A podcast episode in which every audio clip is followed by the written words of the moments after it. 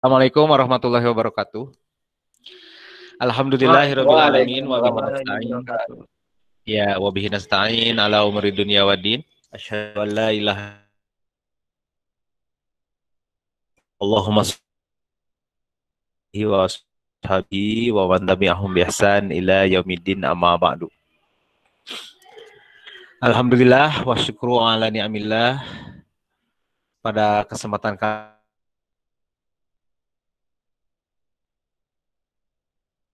Nah kita tentu saya tidak mendung.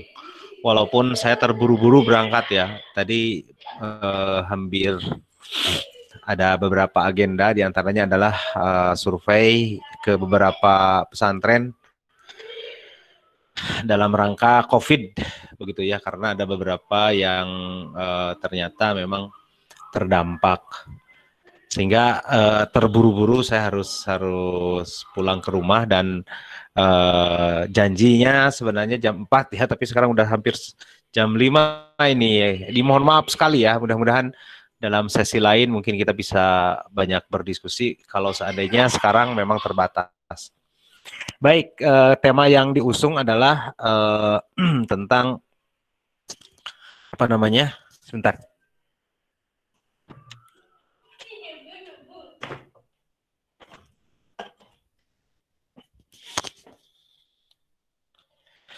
Yang diusung itu adalah uh, adab sebelum ilmu ya.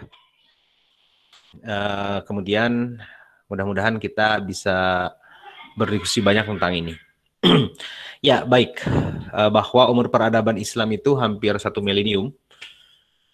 Jadi kalau kita berbicara tentang Islam, peradaban Islam itu ya hampir seribu tahun lah. Jadi satu milenium peradaban Islam itu hingga mungkin uh, terakhir ya akan berganti ya dari sekitar Nabi Muhammad lahir sekitar tahun 600-an sampai kemudian uh, umur peradaban Islam muncul atau tenggelam dalam tanda kutip itu hampir satu milenium. Jadi peradaban Islam itu dari situ.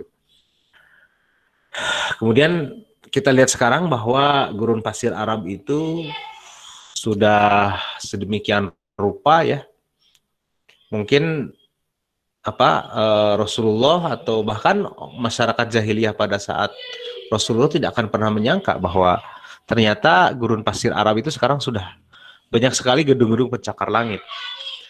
Dan Anda tahu bahwa Burjul Khalifah itu juga salah satu gedung pencakar langit yang tertinggi di dunia. Ya. Dan itu diprediksi sedemikian rupa.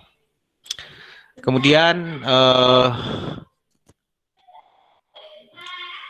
kemudian kita lihat misalkan bahwa ada banyak sekali ya, ada banyak sekali uh, peradaban-peradaban lain yang timbul dan tenggelam. Nah, ini menunjukkan menunjukkan bahwa Islam dimulai dari sesuatu yang hebat. eh, kira-kira mari kita lihat dari sudut pandang Islam. Saya sepakat dengan judul yang Anda bawa itu adab sebelum ilmu ya. Karena sesungguhnya Rasulullah SAW diutus li utamima makarimal akhlak. Kan begitu. Rasulullah diutus untuk menyempurnakan atau menggagas atau bahkan bukan menggagas ya, menyempurnakan itu akhlak. Lalu kemudian tiba-tiba menjadi uh, peradaban Islam yang demikian hebat. Nah, maka setelah adab atau akhlak itu muncul, baru kemudian ilmu. Jadi tidak ilmu lebih dahulu, tetapi uh, akhlak dulu yang harus dibina. Benar ya. Jadi adab dulu, baru kemudian uh, ilmu. Nah, Rasulullah tidak diutus untuk menyebarkan ilmu pengetahuan. Rasulullah juga tidak diutus untuk uh, menebarkan sisi-sisi kekuasaan politik. Rasulullah juga tidak diutus untuk menjadi eh, apa namanya seorang ya seorang orang suci begitu ya, tidak. Tapi betul-betul Rasulullah itu diutus untuk menyempurnakan akhlak itu. Dengan demikian Rasulullah adalah seorang dai. Rasulullah adalah seorang pendakwah yang dengan dakwahnya itu maka kita lihat banyak sekali peradaban yang uh, atau uh, apa namanya menjadi nomor orang satu yang di dunia itu Michael Hart ya bilang begitu. Oke, jadi betul yang dikedepankan oleh Rasulullah adalah akhlak.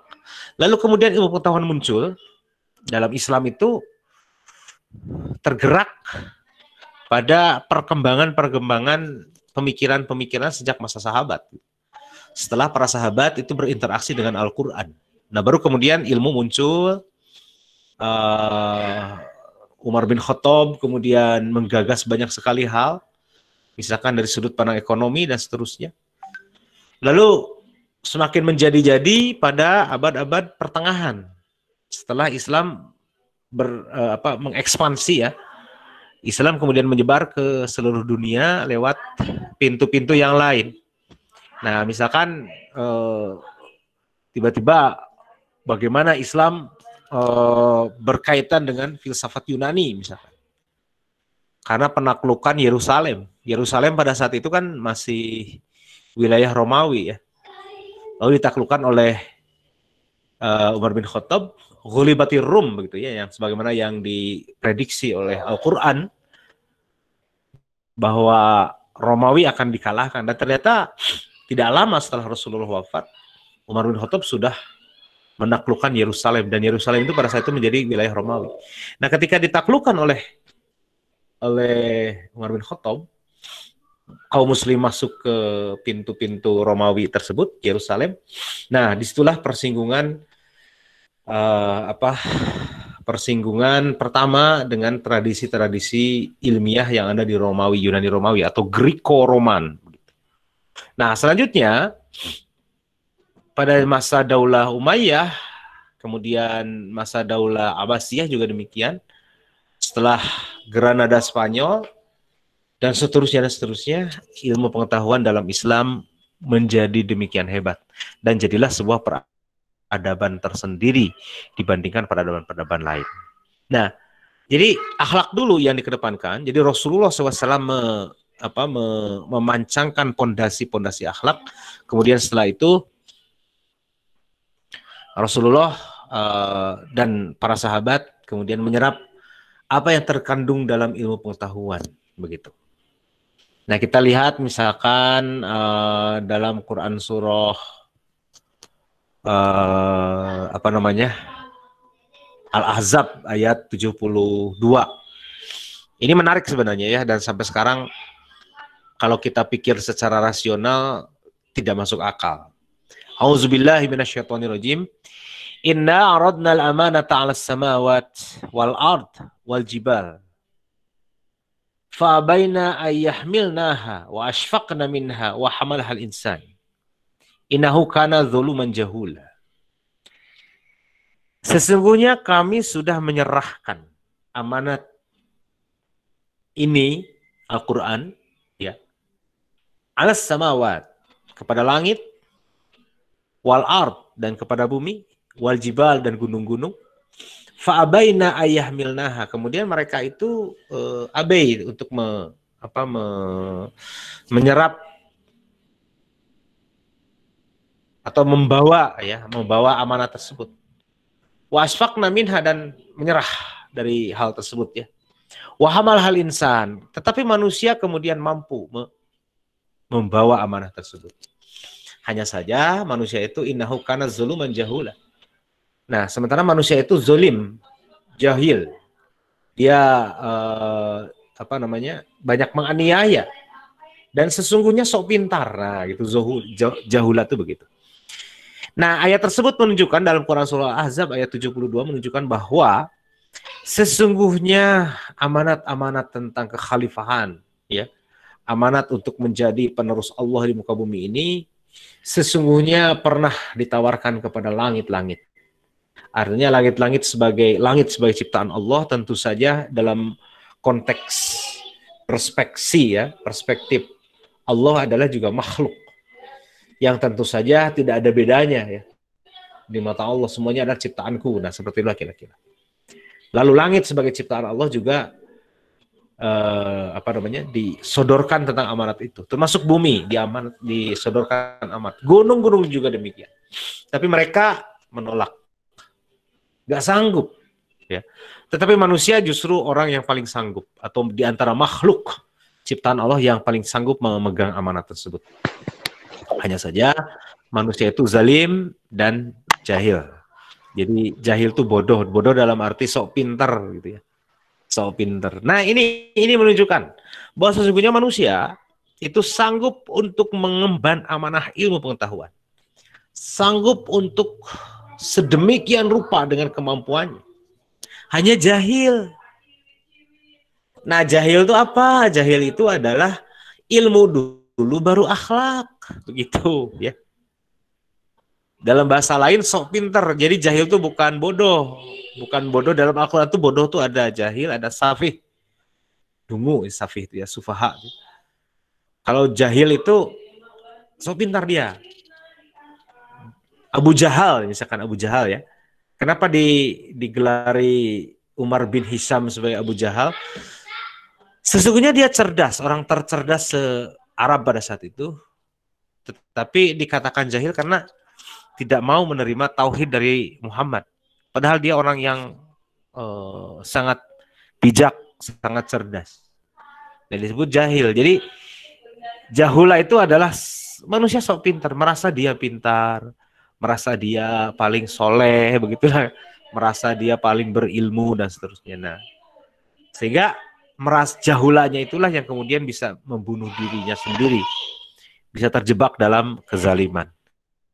Kenapa jahula? Karena ilmu pengetahuan itu lebih dulu daripada akhlak.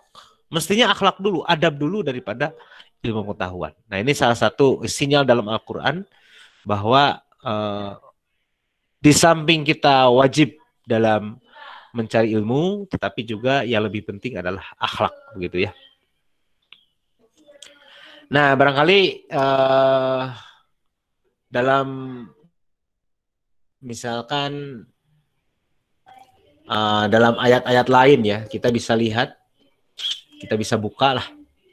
Uh, misalkan ke ayat-ayat kekhalifahan lah. Contohnya misalkan uh, kenapa sih iblis tidak mau tunduk kepada Adam begitu. Nah ini kan menunjukkan bahwa kekhalifahan bahwa Aba wastakbaro misalkannya. Dia itu lebih merasa lebih tinggi, merasa lebih hebat daripada Adam. Makanya disebutnya Aba menolak wastakbaro dan begitu sombongnya. Nah, wa iz qala lil malaikati isjudu li adama fasajadu ila iblis. Aba wastakbaro wa kana minal kafirin. Nah, ketika uh, malaikat disuruh untuk bersujud kepada Adam, semuanya sujud kecuali iblis, dia menolak. Aba wastakbaru. Ya. Enggan, menolak dan sombong. Jadi tak ada akhlaknya bagi seorang iblis. Padahal mungkin ilmu pengetahuannya bisa lebih besar daripada uh, seluruh makhluk pada saat itu ya. Tiba-tiba muncul seorang manusia yang disimbolisasikan sebagai Adam. Nah, wah ini kayaknya lebih hebat nih gitu ya. Nah akhirnya tergelincirlah dia. Baik, nah ini menunjukkan bahwa ayat-ayat tersebut, kisah-kisah tersebut menunjukkan bahwa ayo kita beradab sebelum ada ilmu, ya. Uh, karena ilmu itu akan menjadi sesuatu yang hilang, menjadi tak berarti seandainya adab tidak ada di barat itu uh, apa namanya bahkan ketika ditanya ketika muncul cloning gitu ya teknologi yang cloning itu ditanya para ilmuwan penciptanya kira-kira bisakah manusia menciptakan yang lebih dari sekedar teknologi cloning nah mereka menjawab bisa terus kenapa tidak dilakukan nah agama lah yang menghalanginya. Begitu mereka bilang begitu ya. Jadi uh, saintis-saintis yang kering keimanan itu seperti itu, melihat agama itu menjadi pemasung terhadap perkembangan ilmu pengetahuan. Nah, tetapi kalau ilmu pengetahuan tanpa akhlak ya Anda bisa bisa tahu bagaimana misalkan seorang Alfred Nobel itu menangisi ciptaannya. Anda tahu Alfred Nobel itu menciptakan uh, apa bom ya.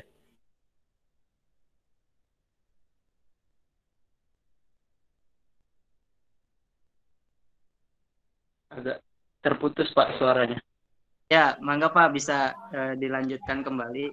Mungkin masih ada waktu sekitar uh, enam menit lagi Pak sebelum uh, kita diskusi gitu. Oke, okay. ya, ya, ya. Oke, okay, saya, saya, saya, saya kasih satu contoh. Tadi saya bicara tentang Alfred Nobel. Ya sudah sudah sudah sudah nyampe belum? Nah, uh, sudah, sudah. Alfred Nobel itu, ah, keburu mati tadi ya? Iya. Oke, okay.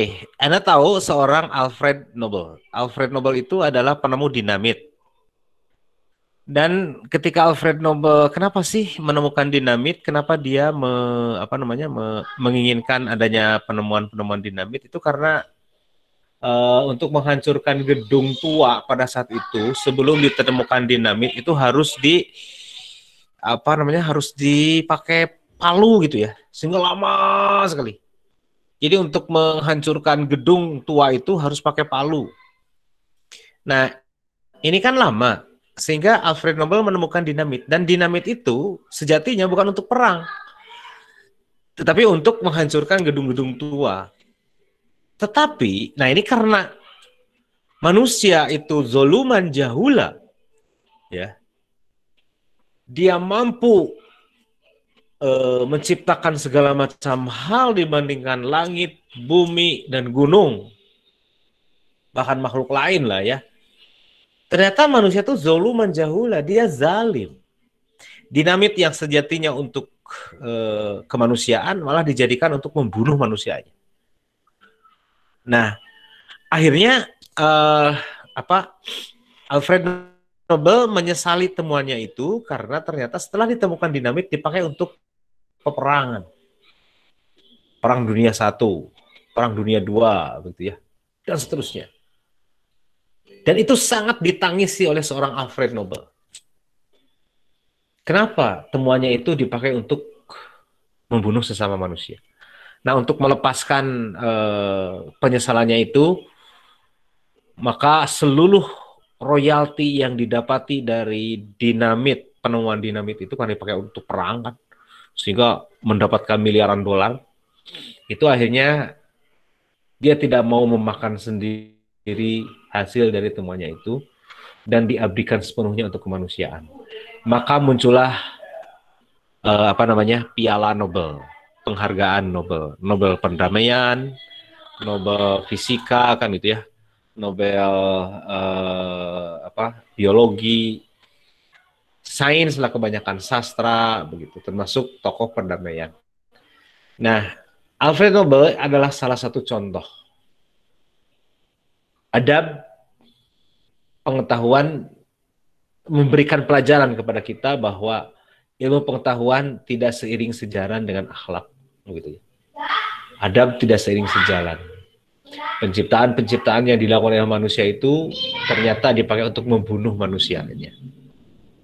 Banyak sekali kasus-kasus temuan-temuan yang sejatinya untuk kemanusiaan tapi ternyata dialihfungsikan karena zoluman itu yang zalim jahula dan mereka uh, jahil gitu ya. Oke, itu saja yang bisa disampaikan. Terima kasih. Mangga lanjut ke diskusi. Assalamualaikum warahmatullahi wabarakatuh.